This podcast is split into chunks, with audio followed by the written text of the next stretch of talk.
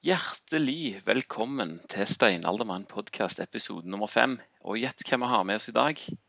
Ja, du gjetter rett. Det er selveste baconkongen. Kim Aardrud heter han egentlig. Velkommen til deg. Takk skal du ha, Eivind. Steinaldermann. Jo. Ja, Takk for at jeg det fikk med komme. sånne, det er kjekt med sånne navn, er det ikke det? Det er veldig, veldig kjekt med, med passende navn. Ikke sant? Ehm, Baconkongen, ja. Vi møttes vel eh, for så vidt via Instagram. det gjorde vi. Eh, litt sånn eh, Litt samme interesser. Og så var jeg og besøkte deg og madammen en gang før, før jul i fjor. Det tror jeg ikke jeg kommer til å glemme. Det første jeg så når jeg kom inn i gangen, det var metervis med, med pølser som hang til tørk i gangen. Og når jeg kom inn i stua, så var det to gigantiske frysere. På bakken så sto det gildekasser med lam klare for partering. Og på terrassen der sto det flere gildekasser med bacon. Med bacon, ja. Og leiligheten din er hvor stor? Den er eh, 58 kvadratmeter. Ganske mye Pluss plus, uh, uh, Det er pluss uh, veranda, da, selvfølgelig. Terrasse. Pluss verandaen, ja. Ja. Ja, der har du jo, Det har jo Da er det eh, mye. Med andre ord så har du god plass til å lagre mat. Rikelig. Men eh, altså, jeg vet ikke, det, det er sikkert folk som har lest denne artikkelen om, eh, om deg og, og dama di fra Helsemagasinet. Ja. Og sikkert fått eh, med seg ting og tang på Instagram og sånne ting. Men kanskje du tar og forteller litt om hvordan det egentlig starta dette? Hvordan ble du interessert i, eh, i mat på den måten? I mat på den måten vi holder på med nå, så Det begynte jo da for eh, noen år siden. um, jeg har alltid vært interessert i det å lage, lage maten selv.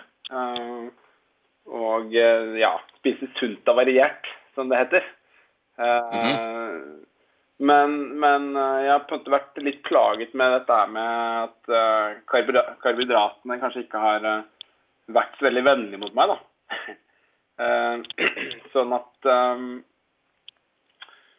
det var vel slik at jeg gikk under studieperioden så gikk jeg litt grann opp og så kjørte jeg på med en sånn runde hvor jeg spiste da litt eh, mindre og, og gikk selvfølgelig ned i vekt. Så det var på en måte et, primært et vektproblem. Uh, ikke veldig mye, men eh, det var noen, noen kilo, da. Uh, og så var det her For noen år siden så var det Vi var i et utdrikningslag. Uh, og da skulle vekten til hovedpersonen skulle dokumenteres. Og jeg kan si denne kan si, Utstyret som skulle da måle vekten på, på herren, eh, måtte jo da sjekkes eh, for om den var riktig innstilt. Så da stilte jeg den på, på vekten og sjekket at eh, det, det var den. Så jeg fikk en liten sånn vekker. Eh, Det var eh, litt vel meget eh, som sto der, da. Så da var jeg begynne å eh, trene ganske mye og, og kjøre på det samme vante greia med lite, lite mat og kjøre på hardt. Og da, da, da sto faktisk vekten helt uh, stille. Men um, kjørte jeg på med det i, i ca. ni måneders tid. Uh, og ja, var vel egentlig ikke noe særlig som skjedde. Um, trente sånn ti, ja, syv til ti ganger i uken. Um, og da var det mm, Begynte å lese litt rundt sånn eh, Titte på litt sånn raw food, superfood, og inkludere litt eh, grann av det i kosten. Eh, uten at det var Ja, ga de største resultatene.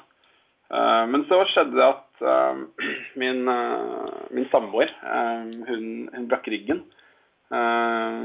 Så Du brakk ryggen. ja, hun, hun gikk ut av Hun har firehjulstrekk, så gikk hun ut av bilen. Og når det er firestekt, så merker du ikke hvor glatt det er. Eh, Så da falt hun rett på en sånn skikkelig bananplask og brakk eh, altså korsbenet. Så da var det egentlig I og med at begge var eh, selvstendig næringsdrivende, så var jeg nødt til å finne på et eller annet lurt for å få henne raskt eh, tilbake. Og da var det inn og lese eh, studier om eh, kosthold. Og hvordan vi Mm. kunne da eh, Hvordan hun kunne spise for å uh, akselerere bendannelse, da.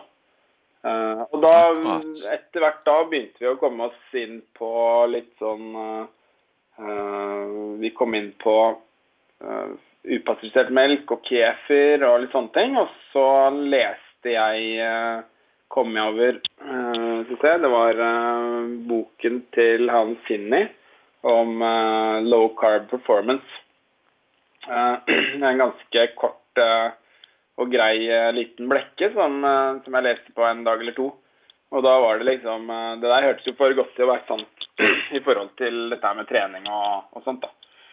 Så da var det bare klin til med det, og da begynte vi å endre, redusere karbohydratmengde. Økte på med, med protein. Vi var ikke like flinke til å øke på med fett. Men, men vi følte at det var ganske så bra for, for oss, da. Eh, Jeg droppa jo 20 kilo på to-tre måneder. Nå gikk vi Altså, jeg ganske, gikk, gikk ganske strengt inn. Uh, må vel nesten si at det var eh, litt i overkant av kanskje det nødvendige. Du, nå får jeg besøk her. Yes, Melkemannen. Melkemannen. Eh, jeg tar og, tar og tuner inn etterpå. Yes, den er grei.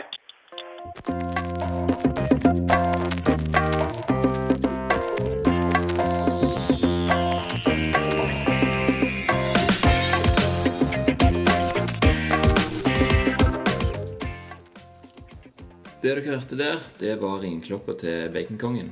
Han er òg melkemann, og han var før i dag og henta melk hos en bonde som ikke pasteuriserer melka si.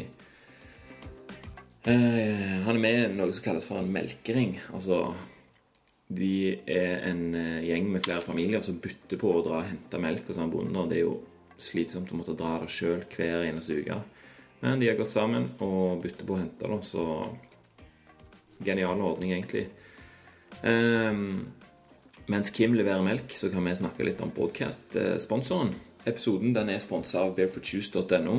Der har de fremdeles eh, massevis av gode produkter. Pure Farmer, selvfølgelig. Paleo Crunch hvis du trenger en skikkelig eh, snack uten å få i deg eh, hvete og for mye sukker. Massevis av Innovate-sko nå til sinnssyke priser. 600-700 kroner per par nå på, på noen utvalgte modeller. Om du trenger sko til løping, så vil jeg gått for F-Light 195. Altså, Den funker også veldig bra til, til crossfit.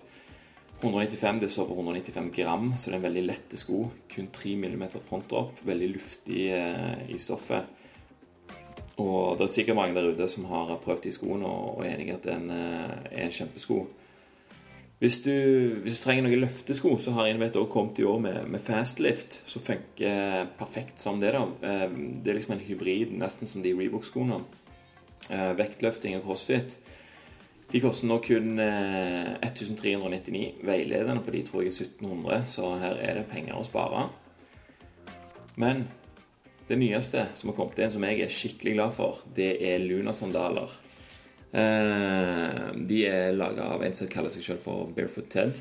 Helt fantastiske sandaler. Du kan bruke det som vanlige sandaler, eller du kan bruke det til å løpe med.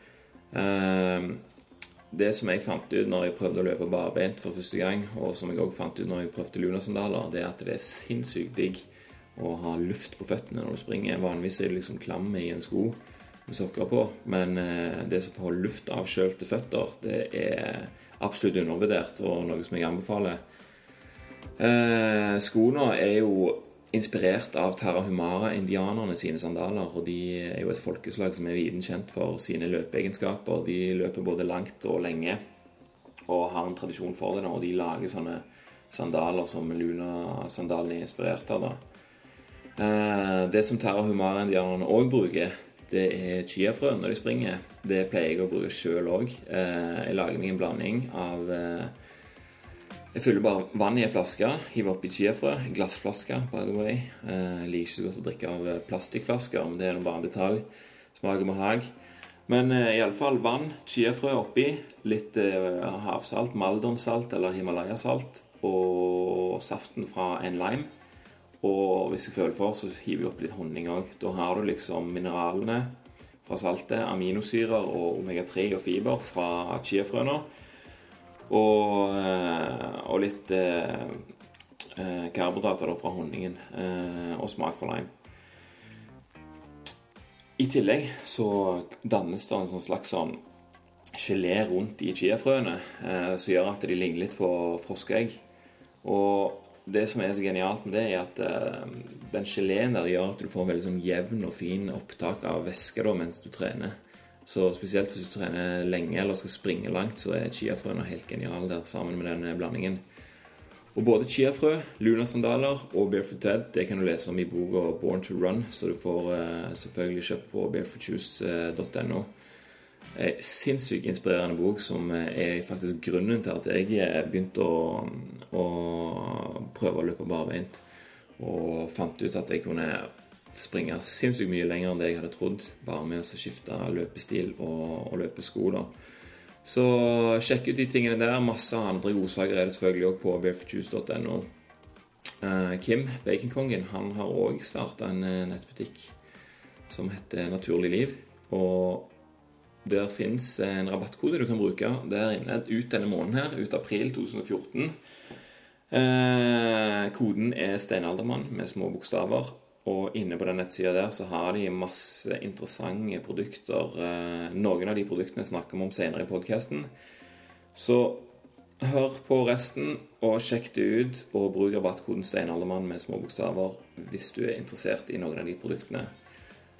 Og da tenker jeg at vi hører om baconkongen er ferdig med å levere melk.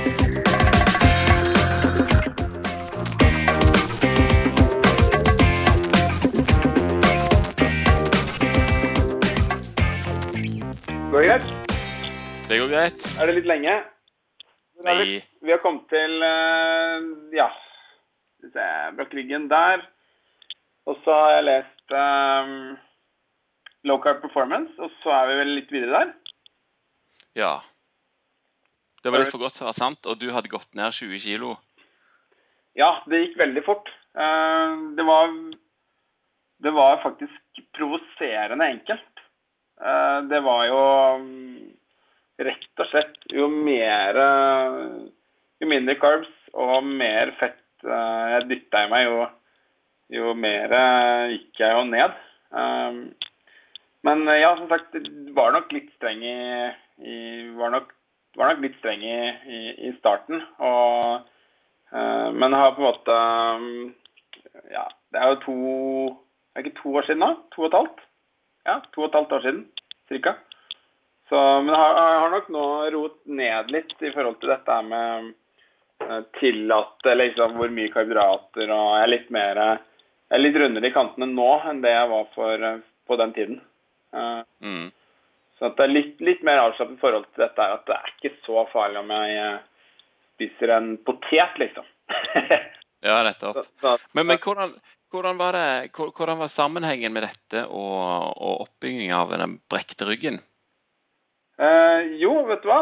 Det var veldig mye vi fant ut. Men det er eh, Vi fant jo altså, Det er så lenge siden at jeg har glemt alle de detaljene som eh, som var uh, meget essensielle. Men det var jo det her å få, få inn byggestener for benstrukturen. Og også det her med å spise, spise en god del mer kalorier var jo da ganske viktig. Mm. Og det var det her med Jeg husker det var dette med upasteurisert melk i forhold til å faktisk få kalsiumen til å altså, få, få bygd opp benvevet. da. Uh, ja. Uh, og så en god del liksom, antioksidanter og, og sånn for, for, å roe ned uh, betennelse. Men det gikk også da mer i dette med betennelsesdempende mat, rett og slett. Um, så vi kutta ganske fort vegetabilsk olje, for å si det sånn. mm. Og så nevnte du òg dette med blodtrykk. da. Det er jo det vi får massevis av advarsler for når det kommer til bacon, bl.a. Ja. Altså, jeg har sett at uh, gjennom hele studieperioden min så har jeg målt blodtrykket mitt uh, jevnlig. Uh, Og da har jeg hatt litt høyt. Ikke, ikke sånn ikke høyt høyt, men litt høyt i forhold til at jeg var ung, ung mann, trente fire-fem ganger i uken. Så var det litt høyt. Og litt høyt, høyt puls også. Uh, men etter at jeg da endret kosthold og begynte å spise mer ja, bacon, men mer fett og, mindre karbohydrater, så, så har faktisk jeg fått ekstremt lavt blodtrykk og lavt, eh, lav puls, faktisk. Sånn at, eh, det er også ganske interessant. Um, Pål Jåbek har sikkert mye, mye, kommentarer til akkurat det. Ja, det har han. Det må jeg ta med neste gang. Det må det. Så da var dere rett og slett i gang? Da er vi i gang.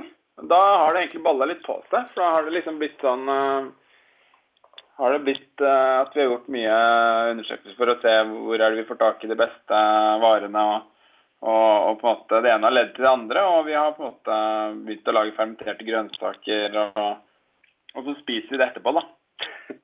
Ja, ja, så digg, da. Ja. Hvordan, hvordan er det du eh, hvordan er det det virker dette her med fermenterte grønnsaker? Jeg fermenterer jo melk sjøl i form av kefir, korn og sånne ting. Ja. Men, eh, men, grønnsakene det har jeg tenkt å, å begynne med nå, for det virker altså Hvis jeg har forstått det rett, så er det veldig enkelt. Ja, det er veldig enkelt. Det er noen som Altså, det er jo egentlig bare å kutte opp noen grønnsaker. Slenge oppi noe salt og, og ha vann i. Eh, og egentlig bare la det stå på benken. Det er jo kan si Hvis du har rester etter Hvis, hvis man spiser taco eller altså, hvis man har noe lager sånn råkostsalat, det er noen som syns det er fantastisk. Men hvis man, hvis man har laget det, så er det egentlig bare å slenge det i et eh, glass eh, med vann og salt, og så lar du det stå i noen dager, og så er det ferdig. Så spiser man litt av det til eh, maten. Er veldig enkelt. Men det er, det er noen som vi drev og på en måte i, på en måte I oppskriften så står det at man skal på en måte stampe disse grønnsakene til all saften siver ut, men jeg har funnet ut at det, det blir litt for maste. Det jeg bare hiver oppi salt og vann, og så, så lar jeg være. Så Det er sikkert, ja. sikkert noen som blir kjempesure på meg nå, men uh, jeg syns at uh, det holder i massevis å bare gjøre det på den enkle måten. Ok, ja. Så du trenger ikke å, trenger ikke å overdrive dette? her, altså Det er bare å slenge det oppi der og vente? Ja, det, tar sikkert litt lengre ja. tid, eneste. Kutt opp, kutt opp noen grønnsaksbiter. Uh, det er nesten ja, løk, chili gulrøtter, kål, anything, liksom. Og, og hive opp den salte vann, og så lar man det stå og putre litt. Det ta fire-fem dager. Ja, for da begynner det altså å putre. Men, og hva er det da som skjer, liksom? Hva er fordelen med, med å gjøre det på den måten? Uh, I forhold I forhold til å spise det rått? Oh, ja, uh, Eller kokt, for den del? Kokt. Nei, da er det dette med at i i grønnsakene så har du jo en god del bakterier. Uh, slik at uh, når du da lar den stå i gjerdet, så, så, dannes det uh, det, det, dannes mer Altså det fermenterer vekk karbohydraten. da, Altså spiser karbohydrater eller sukkeret. Og så dannes det syre og, og bakterier.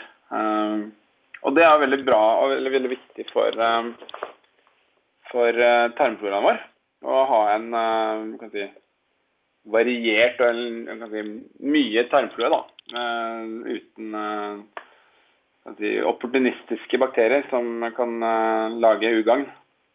Mm. Ja, for det er, jo fakt, det er jo bakteriene som skal fordøye maten vår. Det er jo ikke vi som gjør det. Ja. Og så har du også selvfølgelig en god del uh, vitaminer og sånt. Pål Jobek snakket om K-vitamin. Uh, og så er det litt C-vitamin også, den litt andre snadder, da, som det øker på en måte næringsinnholdet i grønnsakene. Uh, og så smaker det selvfølgelig annerledes, sånn at man kan bruke det som et si, uh, smakstilskudd. da, ikke sant? Det smaker, smaker friskere, da. Mm. det, det, det er fornuftig. Så det kjører dere på med, liksom? Så har alltid noe som står og putrer på benken, da? Ja, vi har nok, eh, vi har nok alltid et eller annet som, eh, som holder på. Vi har jo Altså melkekefer har vi jo hele tiden. Eh, og kombucha har vi også hele tiden. Uh, altså Kombucha tar jo to, to uker ca. Uh, mm. Det er jo noen som gjør det kortere, altså fermenterer den kortere. Da blir den jo altså søtere også, hvis man, jo kortere man gjør det, da. Ja, for de som ikke vet hva kombucha er, så er det altså te med sukker og ja. en dash med bakterier. Eller du har en, sånn, du har en, eh, en sopp som, eh, som, ligger og flyter på toppen, eh, og da fermenterer eller spiser opp sukkeret. Og da lager syre, da. Blir på en måte, Til slutt så får du eddik, da. Akkurat. Mm. Og er det, er det, det samme som skjer òg med melkekefiren, eller? Eh, ja, da har, du, da har, du, en annen si, bakterie- og gjærkultur. da. Det er flere, flere forskjellige bakteriestammer. Mm. Ja, For de som vil vite mer om dette, så står det masse om dette inne på eh, Kraftmamma. Ja. De har, de har ganske kontroll på det der. Absolutt. Ja. Det, er, det er rammen på det. De er rammen på det, ja. Eh, du snakket òg om upasteurisert melk. Ja. Vi har jo alle vokst opp med at melk er konge, liksom. Hvorfor, hvorfor er det bedre med upasteurisert? Nei, det var, og uhomogenisert. Det var jo du og, og Pål Jobbek litt inne på, på sist, om dette ja. um, at uh, i uh, pasteuriseringen så uh, ifølge, ifølge visse kilder så så, så, så, så dreper han jo da de enzymene som skal hjelpe til, altså de enzymene og bakteriene som skal hjelpe til å bryte ned uh, melken, da. Nei, ja. melken. Uh, og det er vel laktase, i hvert fall. Og så noe, noe, noe bakterier. Jeg har ikke peiling på hvilke bakterier det er. Uh, men, men, det er iallfall uh, Og så endrer det også strukturen på da kaseinet, melkeproteinet. Jeg snakket med deg før da vi skulle avtale, avtale å ringes. Eh, og da sa du at du var på vei fra stabburet, og du måtte eh, foreta en viss eh, melkerunde før du ja. var klar. Du er rett og slett en melkemann av og til? Eh, absolutt. Eh, det er synd eh, at det ikke er vanligere med melkemann nå, men jeg, er rett og slett melkemann. Veldig tilfeldig, faktisk. ja, så greit. Det er jo ofte sånn. Hva sa du? Det er jo ofte sånn. Ja, ja det, det her er helt tilfeldig. Helt tilfeldig salg. Men, men da, da, deler vi altså på å stikke og hente det, og så kjører vi og leverer, leverer melken da, til sånn at man slipper å kjøre ut hver eneste uke. Så vi kjøper vel en åtte liter melk i, i, uken, tenker jeg. Og så får vi med egg, uh, egg også. Så det er veldig bra. Mm. Så støtter vi, støtter vi, støtter vi lokalbonden vår på en ganske fin måte. Ja, det vil jeg si. Det er jo veldig greit for han òg å ha fast, eh, fast leveranse. Og... Ja, ja. Det er veldig greit. Mm. Så det fungerer veldig bra. Um, så det, hvis det er noen som er på måte nysgjerrig på det å drikke upasteurisert melk eller få tak i det, så er det greit å gå sammen med flere og og, og hente, da. Ja. Kaller, kaller vel melkering. Uh, vet ikke hvor det navnet kom fra, men melking. Jeg, likte bedre at du, jeg liker bedre at du er melkemann, jeg, eh, Kim. Jeg, jeg kan godt være melkemann eh, for deg. det er bra. Det er good, vet du. Og så, altså, vi ser jo hele veien på um, på Instagram og Facebook at du legger ut bilder av bacon. Kan ikke du fortelle om prosjektet ditt for 2014? 2014 det er å spise litt bacon hver dag. Um, årsaken til det er vel fordi at bacon er fantastisk godt. Og så fant jeg ut at det hadde vært litt gøy for moro skyld å se om det faktisk var mulig å klare å huske å spise bacon hver dag. Det er på en måte bakgrunnen. Det er ikke noen, er ikke noen uh, mer fantastisk årsak enn det. Uh, bacon er rett og slett kjempegodt. Uh, så jeg spiser da bacon hver eneste dag i hele kalenderåret 2014. Og hittil har det gått veldig bra. Jeg har spist bacon hver dag. Jeg bruker det som et krydder i, i, maten, hvis jeg ikke bare spiser bacon. da. Så På bursdagen min så spiste jeg ganske mye bacon. Det var veldig deilig. Jeg spiser jo ganske mye bacon ellers òg, men det går mye bacon. Litt sånn. Ja. Og, og, da er det jo også selvfølgelig heller ikke vanlig uh, gildebacon i butikken det går i. Nei, det, tynne det er hjemmelaget uh, bacon. Alt, er, alt baconet, nesten alt som jeg spiser, er uh, hjemmelaget. Um, hvis jeg er ute på reise og sånn, så, så, går det greit å spise, spise på en måte hotellbacon og sånne ting. Men altså primært så blir det hjemmelaget bacon. Og, som jeg har vært og hentet da grisen på, på, på, på gården. da. Uh, blant annet det baconet du så i var, ja, på, på verandaen. Ja.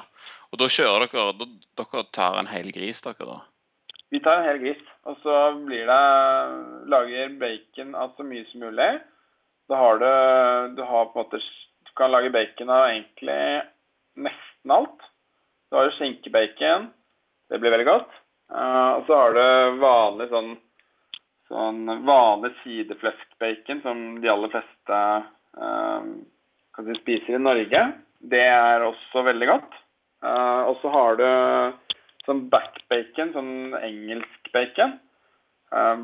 det er også veldig godt. Det er litt magert.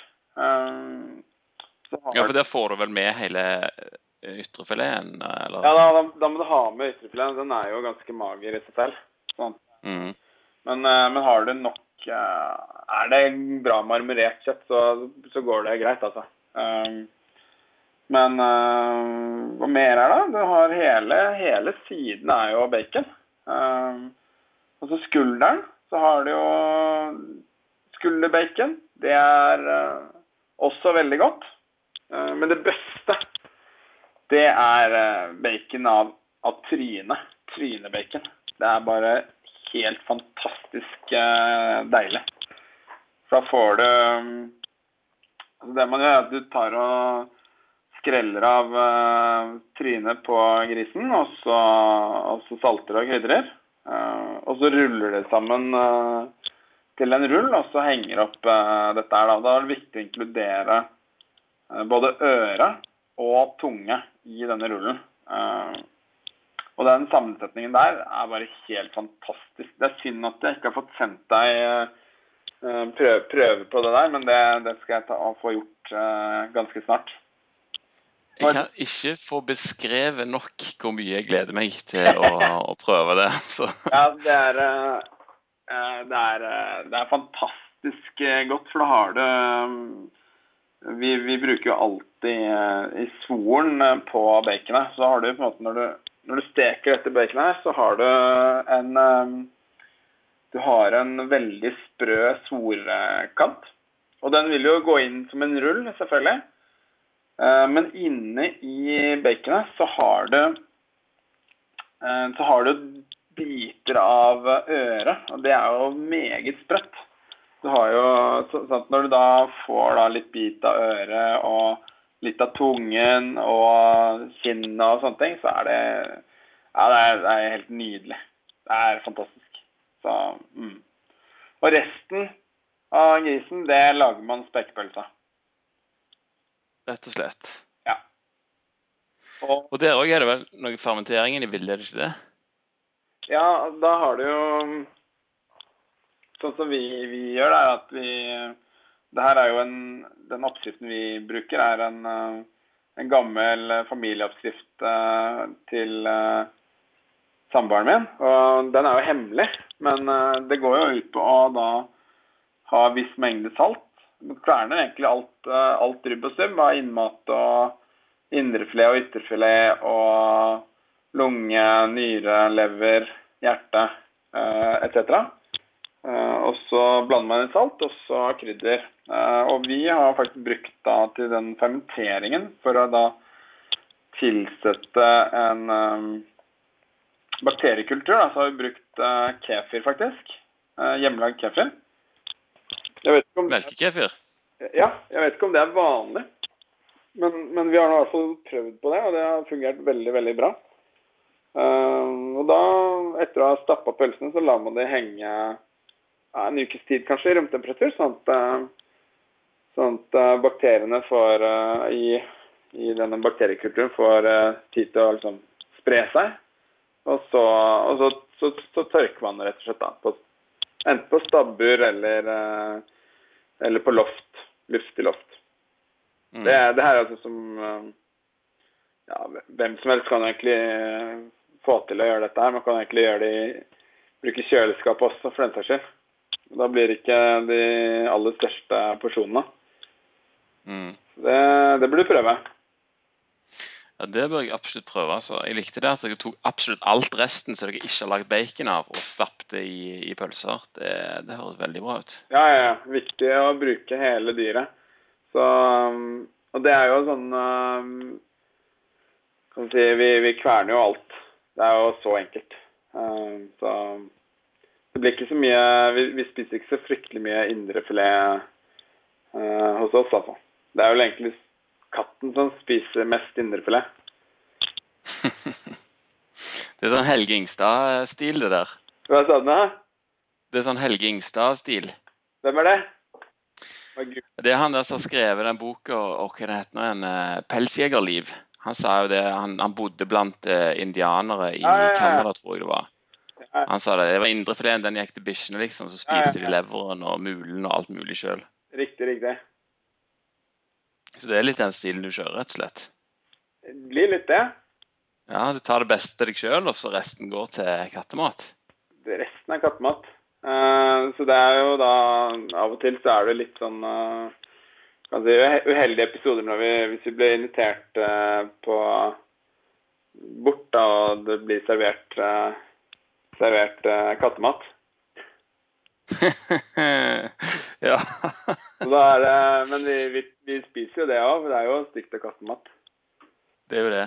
Ja, men det er jo det de fleste ser på som, som det beste. liksom Indrefilet ytrefilet og, og disse her. Jeg syns den smaker veldig lite nå. Etter at jeg har spist mye, mye innmat uh, de siste årene, så syns jeg at um, indrefilet og ytrefilet smaker ekstremt lite. Det er liksom Smak, Smaken er jo i fettet. Smaken er i fettet. Så. Det er noe alle vet. Så at um, man har slutta litt med det der å, å spekke steken. Det fikk, det fikk, jeg vite nå for uh, noen dager siden, at uh, det var noe som var vanlig før. At man uh, spekket steken. Altså en, en mager stek puttet man da strimler med, med svinespekket da, for å, for, å, få den til å bli saftigere. Det er ikke dumt.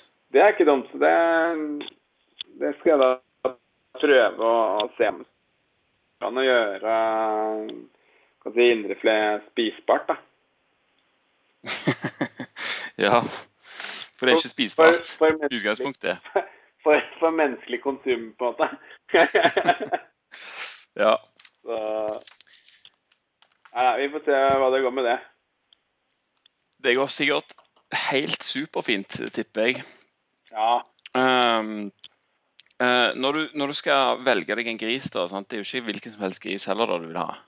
Nei, vi, vi, er, eh, vi, er, så heldige at vi, eh, vi, vi kjøper grisen vår fra en bonde som gir, som gir grisen veldig mye surmelk. Og grisen går fritt opp på fjellet hele sommeren. Oppå en Ja, det er vel over 1000 meter. Og det er vel bare tre griser i den flokken, flokken der. Så kan vi velge hvilken gris vi skal ha, da.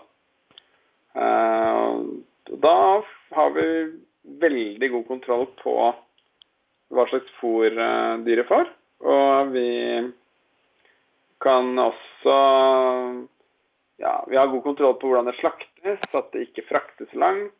Um, så veldig, veldig god kontroll da, på hele, hele prosessen. Det er nesten sånn at du har navn på den? Ja, det tror jeg. Jeg tror man skal være litt forsiktig med å gi navn på den grisen man skal gi, men, eller man skal spise. Men man kan faktisk gjøre det. Um, men uh, vi har jo Vi gjør jo det med, med, med lam også. Så går vi også, går vi også og plukker ut eh, lammet tidlig på sommeren, og så får vi det slaktet i oktober. Det er jo en sånn ja, en annen lokalbonde hos oss da, som, som har lam. Så da kjøper vi to-tre lam, og så porterer vi, parterer vi det når høsten eh, kommer. Ja, du får de ferdig de tatt ut innmat og skinna de? Ja, riktig. Riktig. Uh, og da får, du med hodet? Kan få med hodet. Har du prøvd det? Uh, det ligger et uh, hode i fryseren nå. men jeg har ikke gjort noe med det ennå. men planen er å gjøre et eller annet med det. Halvove, det, det, ja, altså det, det kjøttet som er under haka her, mm. Det, er, det, er, bare så sykt godt. Det tror jeg du kommer til å like. altså. Du vet vel det, er du som spiser gris òg, men iallfall på lammehodet så er det sinnssykt godt. Det er, eh, jeg har jo spist eh, Jeg har jo spist um, smalahove tidligere, men jeg har ikke laget det selv. Sånn at det er jo litt spennende å prøve seg på det. Ja, det er spennende. Så har du, vært, du har ikke vært på Voss og sett det opplegget de har der? Eh, jeg har vært på Voss, men jeg har ikke sett opplegget der. Så um, må vel kanskje ta meg en tur. En studietur? Ta en studietur. Mm. Du skal være med i så fall. Ja, det hadde vært gøy. Vi må ta en sånn, uh, må ta en sånn uh, lamme... Sånn paleo-tur. Paleo-tur, ja. Paleo-tur. Ja, da kommer vi inn på, på noe som òg er litt festlig her. sånn. Vi snakket så vidt om det før, eh, før, vi begynte å ta opp dette her med bås. Ja. Du, føler, føler, du deg satt i bås, Kim? Ja, jeg, jeg, vet ikke hvilken bås jeg blir satt i, men eller jo, jeg blir nok satt i en sånn tradisjonsmatbås. Uten at jeg selv eh, på en måte har eh, bestemt det. Men, men det er nok noen som setter meg i en bås, ja i forhold til hva jeg spiser, men jeg vet sannelig ikke hva slags kosthold jeg spiser. Altså, tradisjonskostfolk, de liker det du spiser. LCH-folk, de liker det du spiser. Paleo-folk, de liker det de òg. Ja. Og så har du Hva mer har vi? Raw food. De kan kanskje like noe av det jeg spiser. De, har, de liker sikkert sånn Jo da, de liker jo sånn fermenterte grønnsaker og, og kombucha og sånn. Og biff tartar? Ja, biff tartar. det spiser jeg veldig mye av. Så, men jeg, det er jo innenfor raw food, da. Men uh, det er jo en god del av disse raw food-folka som uh, Nå setter jeg i boss, beklager. Uh, så, men det er kanskje litt mindre kjøtt i den raw food-bevegelsen enn enn det jeg spiser. Tror du det? Ja. Ja, det, det, tror jeg vi kan eh, være enige om uten at noen skal føle seg veldig støtt. Ja, jeg har ikke lyst til å støtte noen. Nei, absolutt ikke. Så. Eh, Men ja, altså, det, er jo... det, er, det, er, det er rart altså, man, man, uh, man, kan jo altså Du spiser sånn, omtrent det samme som meg, tror jeg. Sånn cirka. Mye, det blir ja. mye innmat, og det blir, du spiser litt uh, uh, melk og sånn. Ja, og bacon. Og bacon. Uh, men uh, ja. Er du, du, er, du, er, litt paleo? Ja, altså det var det, det var det, det begynte med for meg, da. Sant? paleo, eller paleo. Men eh, om det er det lenger, det vet jeg ikke helt. Men eh, det er iallfall noe som paleofolk kan, eh, kan kjenne igjen. Ja. Og samme er det med tradisjonskost, og samme er det med LCHF. Ja, ja. Men det er jo liksom en det, Altså, jeg tenker at etter hvert som du har holdt på en stund, så blir det en slags hybrid uansett. Eh, for å si det sånn, så kan jeg, kan jeg jo bare si at jeg spiser Eivind Teigen stuelandsk. Ikke sant? Du spiser Kim Orderud-style. Absolutt. Eh, og, men og det, er jo- det er jo litt eh, Jeg syns det er interessant eh, å se hvordan eh, folk som har eh, studert litt, eller liksom prøvd masse forskjellig hva de spiser, altså det forandrer seg hele tida. Det er ikke noe at nå er det dette, og det skal det være for evig og alltid. Men du finner ut nye ting. Og, og derfor så blir det òg litt eh, vanskelig for folk som skal begynne på en ny diett eller prøve noe nytt. da. At de skal liksom, Nå er det paleo, og da er det bare paleo eh, hele tida. Så får vi se hvordan det går. Hvis det ikke passer for meg, så må jeg finne på noe annet. Så må jeg finne vår tradisjonskost, Ja. f.eks. Men sant, de, går jo, de går jo inn i hverandre. Det går jo ganske inn i hverandre. Så, um, og, men, men vet du, har du først blitt satt i en bås, så tror jeg du må jobbe ganske hardt for å komme ut av det hvis du vil, hvis du vil inn, liksom inn i, i mer inn i Eivind Stuland-båsen. da. Du må jobbe, jobbe litt hardt for å komme ut av paleo-båsen. Ja, jeg må det. For, meg så er det greit nok. Jeg, eh, jeg kan godt være paleobåsen, og jeg syns det er jo en kjempe eh, Jeg synes det er kjempebra at det begynner å bli så populært, at eh, mange folk lærer mye om hvordan de sjøl kan spise pga. det. Så det er ikke noe dårlig, det. Men min egen bås, det er den, den som jeg er i.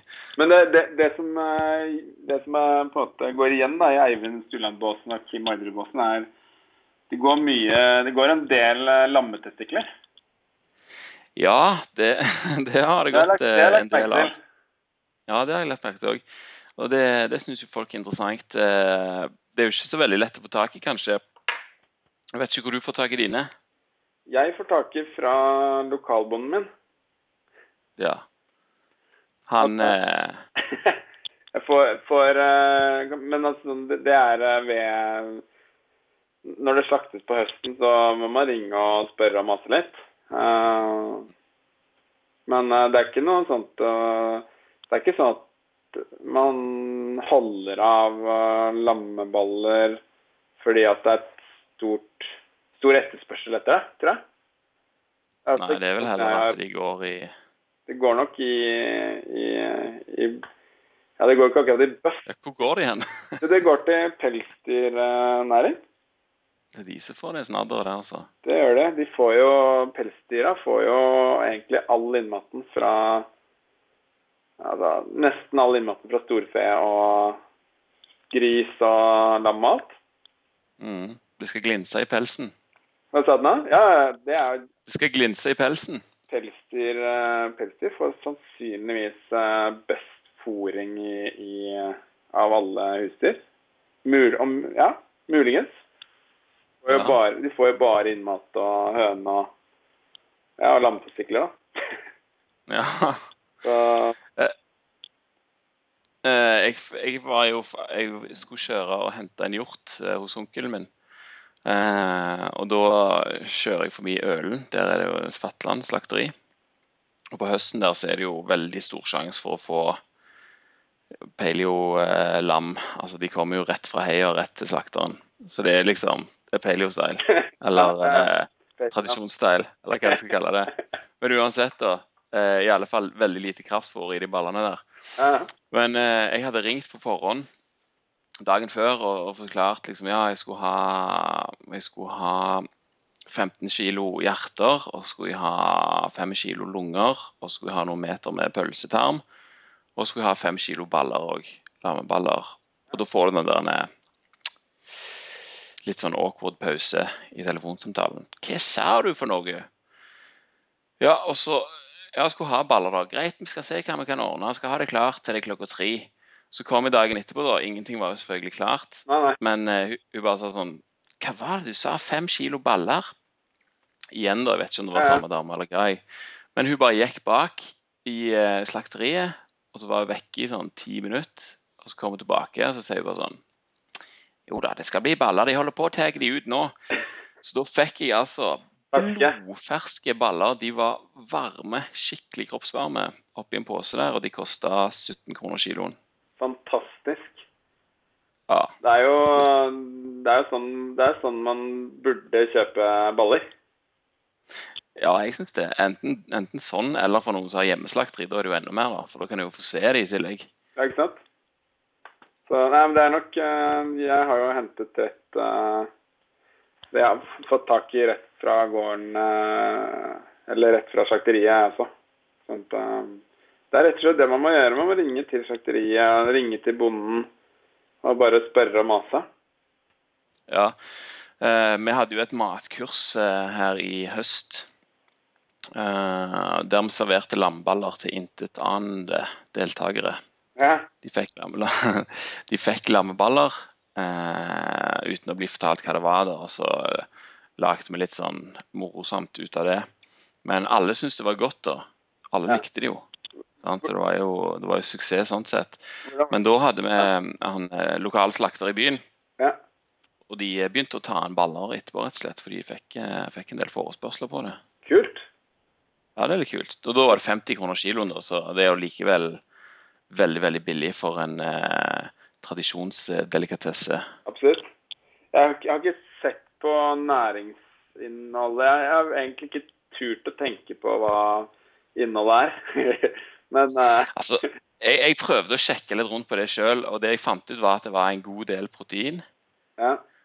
Eh, også for de som er ute etter det, så var det òg en god del testosteron.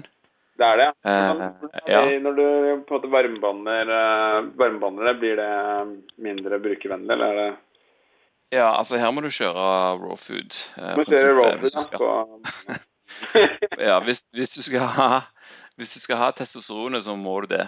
For den forsvinner når du varmebehandler den, altså. Ja. Så, så det er jo sånn.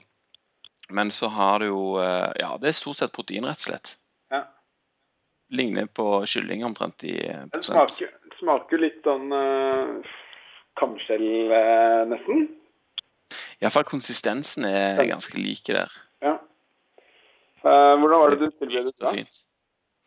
Jeg, eh, først skjærte jeg av den der hinna som er rundt eh, Altså, da mener jeg ikke pungen, den er jo vekk.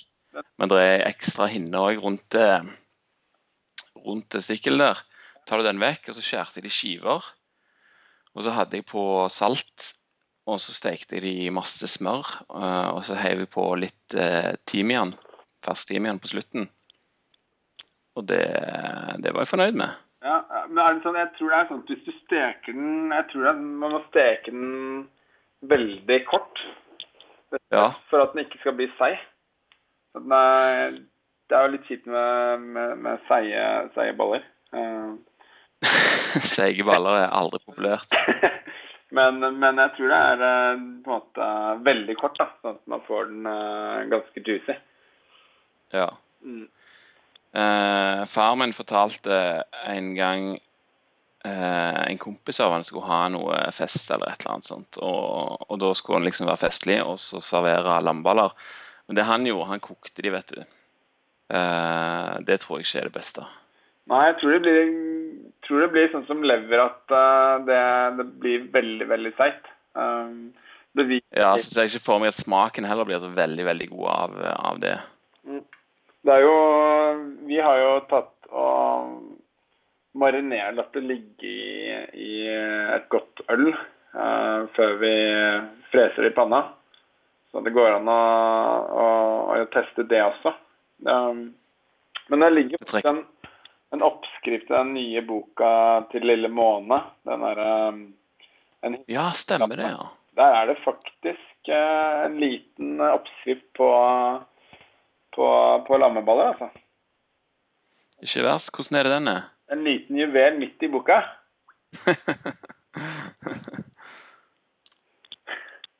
Hvordan er den er, er tilberedt, den? Ja, det, det husker jeg ikke. Jeg skal gå og se nå. Ja. Uh, Skal vi se. Nei, det var ikke den. Her er den. Vi se, da. Jeg vet ikke om det er noe register eller noe sånt oppslagsverk i den, men Slå opp på lammeballer. lammeballer. Se, da. Så dette er altså boka i En hyllest til lammet, som er gitt ut av Lille Måne forlag, hvis noen er interessert i å få eh, hendene sine i den. Det er, jo, det er jo tragisk nok, så er det jo en svensk fyr da, som har skrevet boka. Nei, du, han er, han er dansk. Han er dansk, ja, men han bor i Sverige. Bodde i Sverige. Så han er hybrid, rett og slett. Ja. Eh, veldig, veldig veldig ålreit eh, type. Og han, eh, han eh, Jeg møtte han i forrige uke. Veldig, veldig ålreit eh, type. Altså, med, eh, med veldig gode verdier. Som eh, er ganske så lik de jeg selv har. Du, nå må jeg ta og prøve å se lamme, lammeballer. Står det egentlig ikke her, altså. Skal vi se. Hva annet kan det stå på, da? Lamme Testikler. Nei, det står ikke testikler heller. Det er sikkert uh, se, da. Det var litt dumt at ikke, at ikke det står litt enklere. Nå må jeg begynne å bla meg gjennom. Uh, vet, det, altså, boka er delt opp i sånne uh, årstider. Uh, men jeg vet sannelig ikke hvilken årstid lammetestikler hører til under. Det høres jo litt sånn sensommerslig ut. Jeg tror rett og slett ikke jeg finner henne. Da kan vi jo, da kan vi gå over til vårt eh, drømmescenario hva angår eh, eh, testikler. Altså, Jeg så en gang på et TV-program der det var, det var Jeg tror det var en rodeo eller et eller annet sånt borte i Texas. Ja. Der de hadde, der de hadde en skikkelig svært bord med massevis av eh, frityrstekte baller av enten så var det lam eller så var det kalv. Det vet jeg ikke helt. Men de så iallfall så sinnssykt crunchy ut. Og de folka som spiste det, sa jo at dette var enormt godt, og det så veldig godt ut. Og da er det jo snakk om hvordan kan vi gjøre det enda bedre. Det Vi kan gjøre, vi kan ta en, eh, en testikkel, rulle den i bacon Ja, og ja, ja. den frityrsteke den i uh, lard. Lard. Det må være lard. Det må være lard. Absolutt. Det må være lard. Så det, det, det blir noe vi må teste altså, til, på et eller annet tidspunkt. Det kommer vel på Instagram. Det tror jeg eh, kommer på Instagram ganske raskt. Eh, det er faktisk Jeg fant den eh, nå. Det er faktisk friterte lammetestikler, altså. Er det det, ja? Ja. Så det er Det er faktisk Det er faktisk ganske tøft. Men jeg tror jeg skal ta, gjøre sånn som du eh, anbefaler, og bruke bacon. For det blir jo litt mer eh, passende til meg, da. Mm. Så det tror jeg kan bli veldig bra, for da har du jo ja, som sagt, den crunchy bacon på utsiden og, og juicy inni. Veldig Mm. Med det saltet samtidig der, da. Jeg tror det blir veldig bra. Saltet fra baconet, ja. Mm. Det tror jeg kan bli fantastisk. Det blir spennende, altså. Gjerne du får eh, hodebaconet får en eh, ny motstander. Ja, der tror jeg nok ikke jeg hadde kunnet brukt hodebacon, for det er, eh, det er såpass eh, stort. Så jeg måtte nok brukt vanlig sånn eh, sideflesk, ja.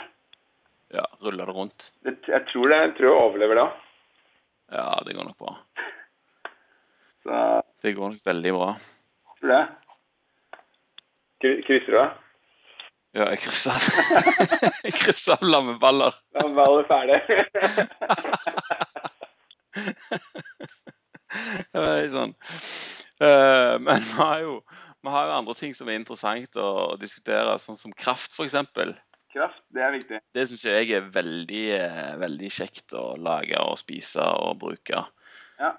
Vi, vi lager mye kraft. Eh, før så var det jo det at kraft Sånn som jeg trodde før, da, at eh, kraft tilsetter eh, retten mye smak og sånne ting. Jeg tror jo fortsatt på det, men nå har jeg på en måte begynt å inkludere kraft på grunn av næringsinnholdet i kraften.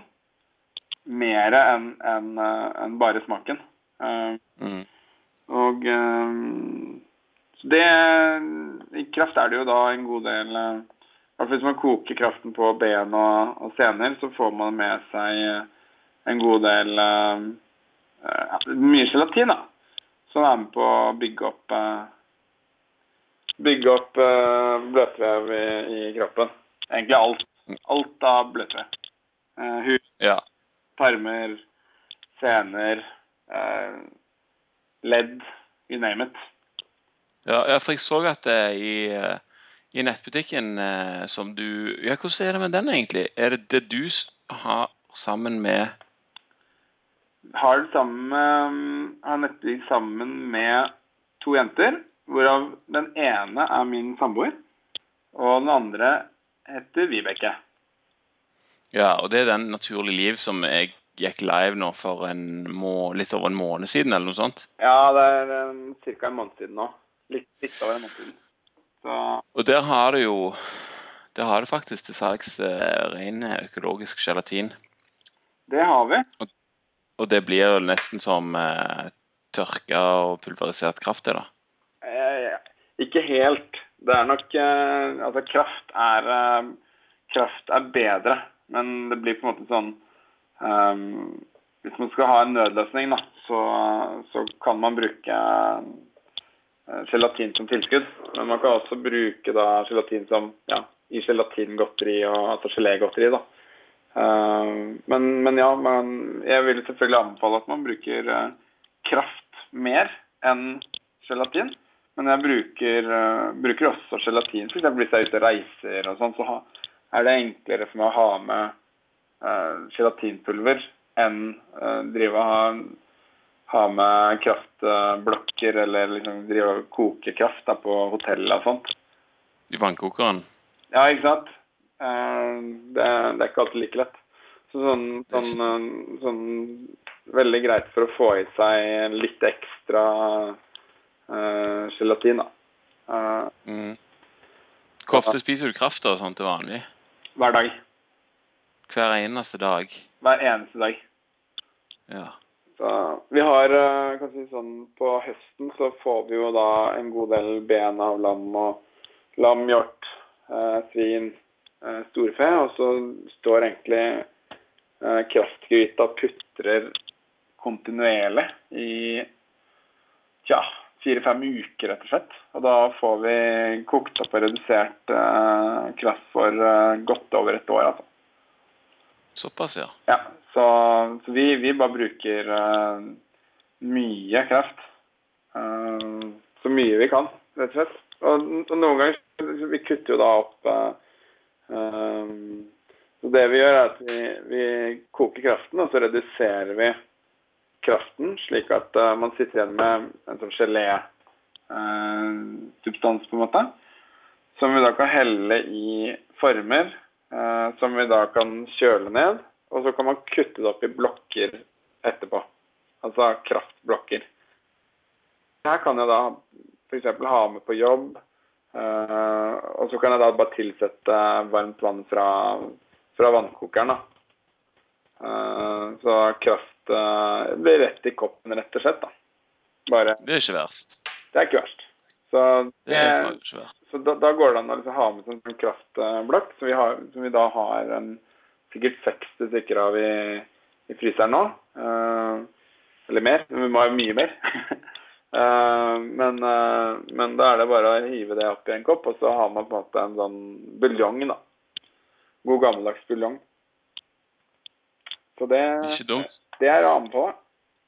Ja, jeg pleier jo heller bare Jeg, jeg pleier bare å koke opp eh, ei svær gryte sånn i ny og ne. Jeg gidder ikke å redusere det så mye. Jeg bare heller det på glass, så har jeg det i kjøleskapet. Og så når jeg vil ha suppe, så bare tar jeg hele glasset. Og da har jeg jo eh, en centimeter tjukt eh, fettlag på toppen der òg, som eh, er med, liksom. Så pleier jeg bare å koke det sammen med f.eks. noen grønnsaker eh, til de blir gode møre, liksom. Så spiser jeg det bare sånn med, med salt oppi, rett og slett. Det er jo skamgodt. Ja, det er kjempegodt. Så det er jo, ja, som du sier, det er bare å hive opp i har man, har man god kraft, så trenger man jo ikke å bruke så mye vanlig kjøtt, fordi det er så mye næring i kraften også. Mm. Så da, da går det greit å på en måte bare ha en uh, enkel uh, grønnsakssuppe, da, men da med ordentlig kraft til. Nettopp. Og det som er så fantastisk òg med kraft, eller kraftbein, da, er jo at eh, som regel så er det jo ting som folk ikke vil ha, så det er jo veldig billig da, hvis du først eh, får tak i det, om ikke gratis. Ja. Det er Sånn nok, så eh, jeg, jegere og, og sånt, de De ser jo på det som avfall. Veldig mange. Ja. Eh, Mm. Og eh, eh, men, men jeg tror nok det blir Altså, det blir mer og mer populært. Eh, jeg snakket med en annen eh, lokal eh, bonde. Eh, jeg har jo bare lokalbønder. Ja. Hadde- Alle bor der eh, rett rundt huset ditt. men nei, men de, de sier jo da at de, de merker økt etterspørsel etter kraft. Det er jo veldig bra. og det, er, det, det sier at det er nå det siste, siste året, kanskje to siste årene, at de merker at det er økt etterspørsel. Det begynner å bli jo- inn, rett og slett. Ja, det begynner å bli litt inn. Det er veldig bra. Uh, og, det er, eh, og det er på en måte de yngre som på en måte drar i gang dette her. da. De som er under uh, virker som at det er de som er under 30 år, gjerne, gjerne tidlig 20-årene, som, som, som eh, ringer og maser. Uh, jeg er jo akkurat bikket 30, så Men uh, Ja, jeg òg, så jeg er ikke med i den gjengen der altså lenger. det. Så nei, men det er veldig bra at det, det, det, at det er yngre, yngre og stadig yngre som på en måte ser verdien i, i ordentlig mat. Det, er Ja, da er det, da er det litt håp. absolutt. Så um, det er vel en trend om at uh, Trend som kan, kanskje snur lite grann, i hvert fall hos noen, da. Ja, Så vi får se. vi får se, ja. Du, eh, når du henter melk og sånn, får du smør òg derfra? Nei, det gjør vi ikke. Smør, eh, smør har vi vært og eh, Vi har vært på en støl og, på sommeren. Og så har vi vært og kinna ganske mange kilo smør som vi har eh, pælma i fryseren. Og så har vi eh, gjennom hele året. Jeg tror kanskje det skal rekke med Vi begynner å gå litt tom nå, da, men nå er det jo begynner jo snart sesongen igjen. Men hvordan, hvordan er det det funker? Altså, Dere drar til en støl, og så Ja. skinner dere smør, liksom? Ja, man må jo ringe og snakke litt med de og, og sånt, da. Men ja. Ja, Hva sier dere da? Hva sa du nå? Hva sier du da, liksom? Jeg vet ikke. Vi er eh, De syns nok at vi er litt snåle. men eh, Men eh, Nei, vi, vi har vært eh, hver, hver sommer nå har vi liksom bodd på en, en støl, og så har vi vært der en ja, to-tre dager og, og hjulpet til og sånt. Og så får vi lov å, å kinne en god del smør, og så kjøpe det smøret. Ah, så da får dere skinne nok, rett og slett, nesten til, til resten av året? Ja, så det, det blir ganske mye. Men, men hvem som helst kan jo gå inn, dra innom en, en, en, altså en fjellstøl og, eh, og kjøpe smør. Eh, og det er jo egentlig veldig lurt, for da får man jo det aller, aller beste smøret. For det, det, vil, det vil være upasteurisert, og det er, eh, det er kan si, eh, kuer som har gresset fritt, eh, eller beistet, da, på Eh, ja, de finner jo masse urter og lyng og alt mulig rart. Så den smaker veldig godt. Så Blir det det veldig gult? blir ganske gult, Det gjør det. Mm. Ikke noe, ikke tilsatt farge, og det er ikke tilsatt smørsmak. Det er jo den gulfargen der som kommer av alt eh, beta-karotene. Det er jo konge. Det er jo derfor de tilsetter gulfarge til vanlig smør. Ja, de, de, ja, jeg vet ikke helt hva de gjør med skal si, vanlig smør. Det er, gjør et, gjør et eller annet der, i hvert fall. Noe, noe skjer. Noe, Ja, men det, det er litt, det er litt eh, interessant, altså. Eh, og det er jo selvfølgelig noe som jeg anbefaler òg, å dra og kjøpe både smør og ost og forskjellig på en støl.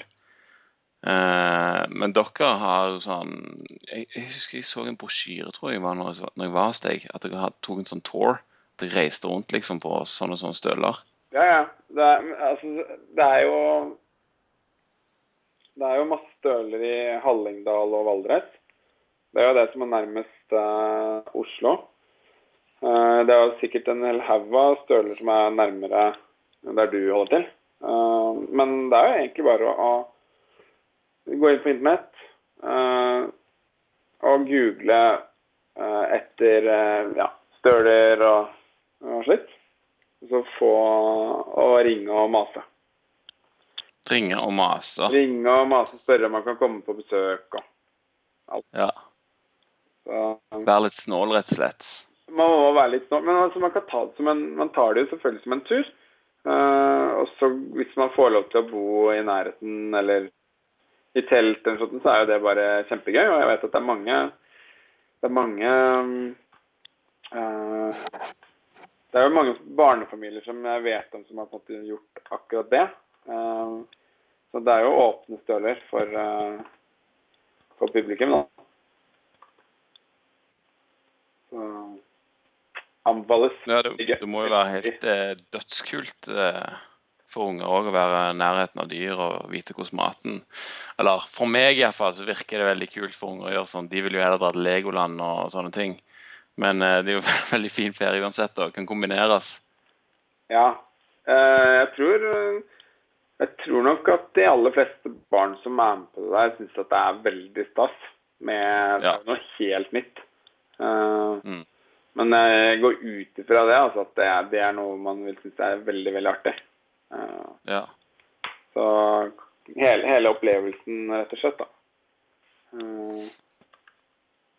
Eh, så, men jeg vet liksom ikke hvor eh, hva man eh, på en måte hvor man skal begynne men, for å finne en, en, en seter for å dra til. Men uh, det er jo mm, det er, det er mulig å få tak i Du bare googler litt og spør litt rundt og ser hva, som dukker opp. Ja. Mm. Hvis man har hytte på hytte av fjell, så er det liksom Da man spør, spør litt lokale folk, og så vet de sikkert om noe. Så er det bare å dra på. Ja. Så det er gøy, altså. Og så Ja, får, det, de, det, ja, så får de også um, samlet sammen eh, liksom, du, får stacka opp litt da, med, med kvalitetsråvarer. mm, det må jo være en helt uh, super eh, grunn til å dra. Ja, vi, jeg tror vi hadde en 25-30 kilo som vi kom tilbake med. Sånn cirka. Jesus. Uh, Det er jo helt det er kjempedigg. Ja, det er digg, det. Så, nei, så vi har, ikke, vi, har ikke, vi har faktisk ikke gått tom ennå. Men jeg tror vi går tom om ikke altfor lenge. Men Men du, når du har smøret framme Jeg har sett uh, denne her butterbell uh, Butterbell-greia. Hva, hva, er, hva er det for noe?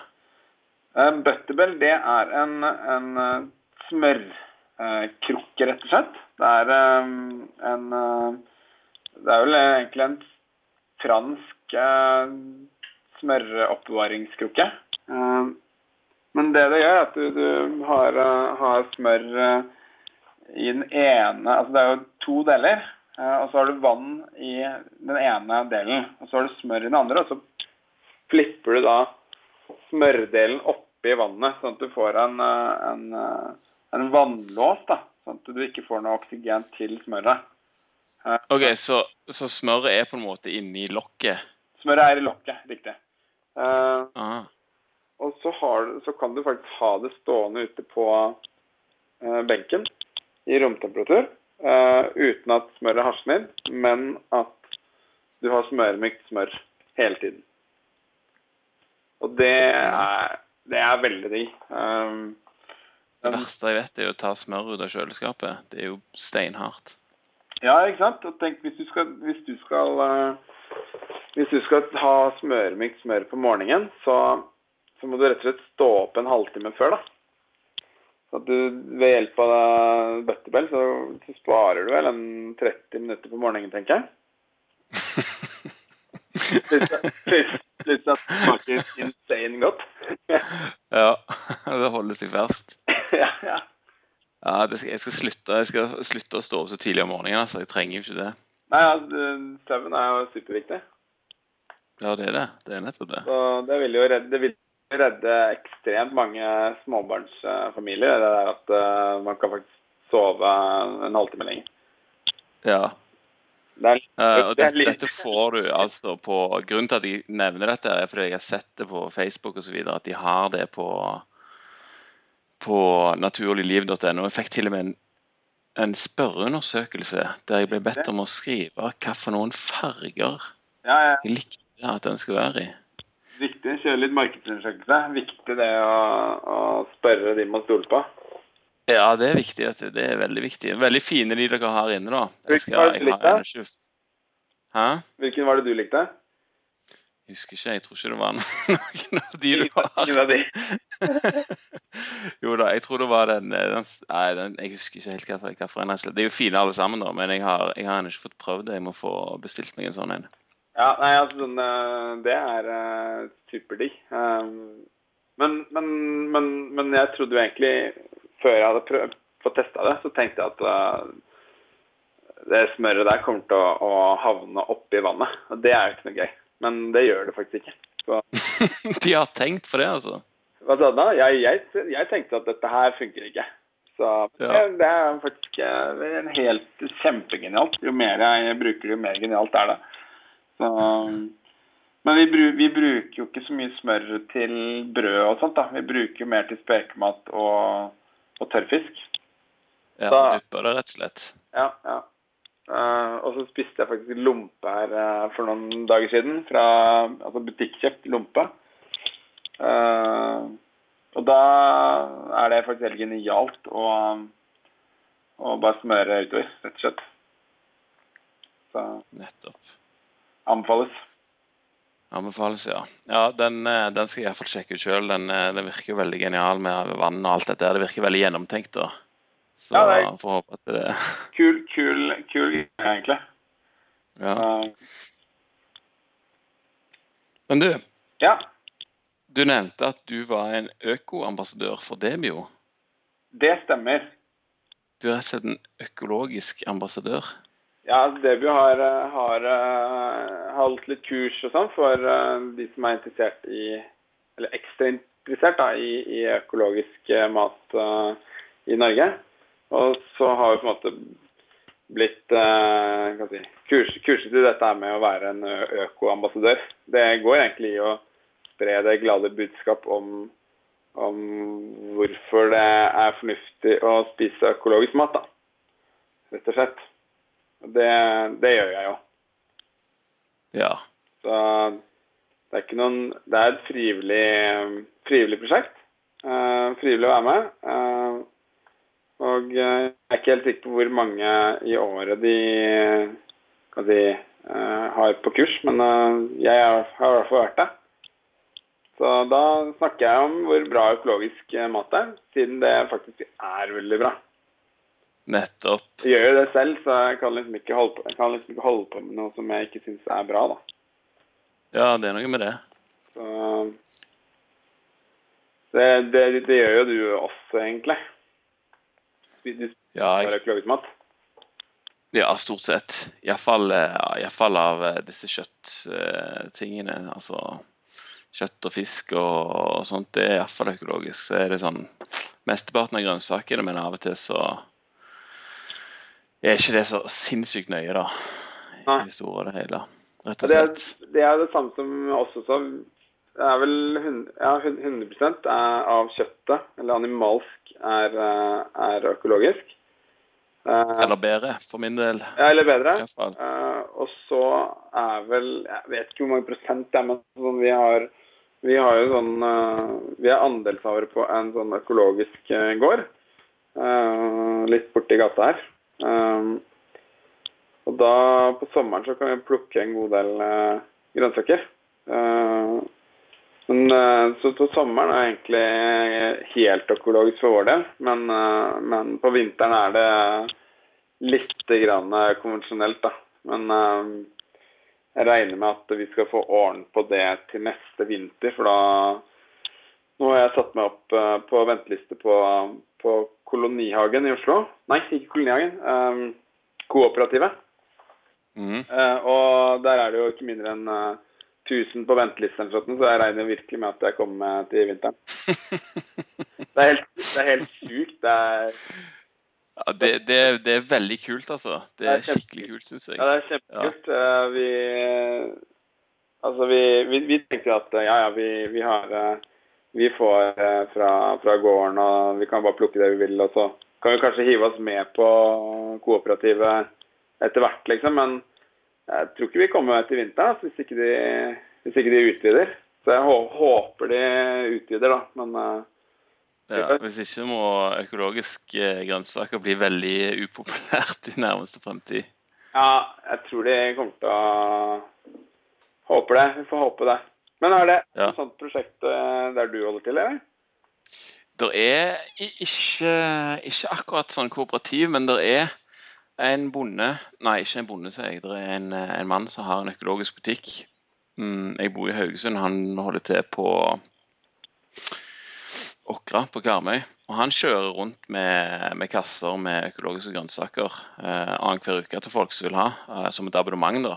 Ja, ja. Og det, det er helt supert, altså. Vi hadde det en periode. Nå ble det litt grann, eh, dyrt for oss, egentlig. ja. Eh, men det var altså rødbeter, knutekål, selleri, avokado, søtpotet, løk og Det var egentlig alt det du ville ha. Det, det meste kunne han få tak i. altså Så kunne du velge sjøl hva du ville ha oppi der. Eh, så det, det er jo helt supert, egentlig. ja nei, det er bra da, at det er eh, økt tilbud på, på sånne ting. Ja, absolutt. Det er kjempebra. Og det, det kooperative er jo glimrende. Så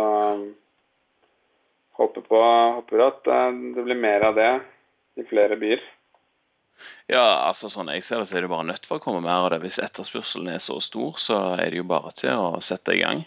Ja.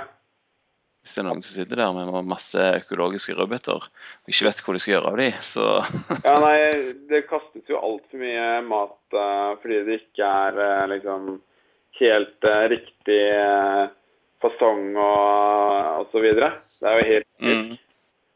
Ja. Vi importerer perfekte, perfekte grønnsaker fra utlandet i stedet. Det er jo, det er jo ikke bra. Nei, det spiller ikke så stor rolle, altså. De gjør jo ikke det. Om de er litt uh, skeive i feil retning. Nei. Det kan godt være litt, uh, litt uh, feil bøy på den norske bananen. Hvis du kjøper på Kiwi, vet du, så får du dobbel pris tilbake. Gjør du ikke det? Nei, jeg tror ikke du gjør det fortsatt. Gjør du det? Å nei, det var i gamle dager, det. Jeg vet Jeg husker jeg- meg, jeg husker vet meg og en kompis hadde en plan. Vi hadde alltid sånn plan om hvordan vi skulle skaffe penger når vi var små. Ja. Så skulle vi kjøpe gam- masse råtne druer på Kiwi, og så skulle vi få dobbel pris tilbake. Så skulle vi dra på kino. Du, du, du finansierte sikkert rustetiden ved hjelp av det, gjør du ikke?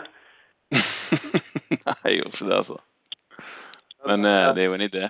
Men eh, jeg, jeg tror ikke Jeg vet ikke. Altså, jeg, jeg handler jo veldig, veldig lite på, på Kiwi.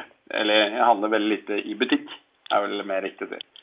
Sånn at jeg em, handler vel egentlig bare ja, sitroner, toalettpapir, og så av og til at de rømme og fløte, smør, til jobb. Ja. Kanskje jeg stikker innom hvis jeg trenger noe på jobb, da. ikke sant? Da har jeg, Mm. har jeg butikken rett ved siden av. Men det er ikke noe sånn særlig mer enn det jeg kjøper i butikk. Så de, Det går ikke så mye penger der, nei. Nei, du holder deg eh, på kanten av systemet. Ja, litt rebell. Ja, ja men det, det er sånn vi liker det.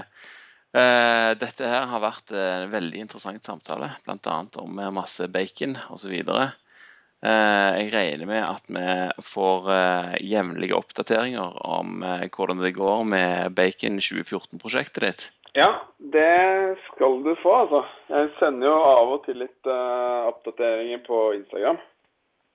Uh, så det er jo bare å følge med der. Det er på inso, eh, til inspirasjon. Og der, hva heter du på Instagram? Du, eh, jeg heter nourished eh, understrek eh, innate. Men det er kanskje like greit å bare søke opp Kim Orderud. Ja, du kan finne det der, ja. Ja. Kim Orderud. Og så må dere òg sjekke ut Naturlig liv hvis dere trenger noe gelatin eller den fantastiske Butterbell. Den skal jeg iallfall skaffe meg sjøl. Den hørtes jo helt genial ut. ja den er, Og, Veldig bra. Og som sagt, hvis dere er i nærheten av eh, et kooperativ og dere ikke er medlem, så er det vel bare å melde seg på. tror er Ja, Fins det, det flere? Jeg vet ikke om det finnes flere jeg, i Norge enn Oslo. Oslo. Oslo, og så er det Ås. Eh, men det er vel egentlig bare å, å kopiere Bare kopiere det de har gjort i, i Oslo, og sette i gang, rett og slett. Få det Få spredt det. Vi må sette noen på saken. Yes. Sett noen på saken. Yes, det får vi gjøre. Men du, Kim. ja. Da vil jeg bare si tusen takk for at du eh, ville være med og snakke litt om eh, disse tingene her som eh, vi begge interesserer oss for. Takk for at jeg fikk komme. Det var veldig, veldig hyggelig. Ja. Eh, vi vil jo selvfølgelig ha deg tilbake her eh, og snakke om, eh, om sånne ting eh, senere òg, etter hvert. Men jeg håper at eh, det kunne vært interessant for, eh, for lytterne å høre hvordan det var å være en ekstrem eh, baconentusiast. Ja, jeg, jeg føler at jeg er en vanlig baconentusiast. En vanlig bacon forlatelse. Vanlig bacon. Jeg vil være veldig Ja. fire.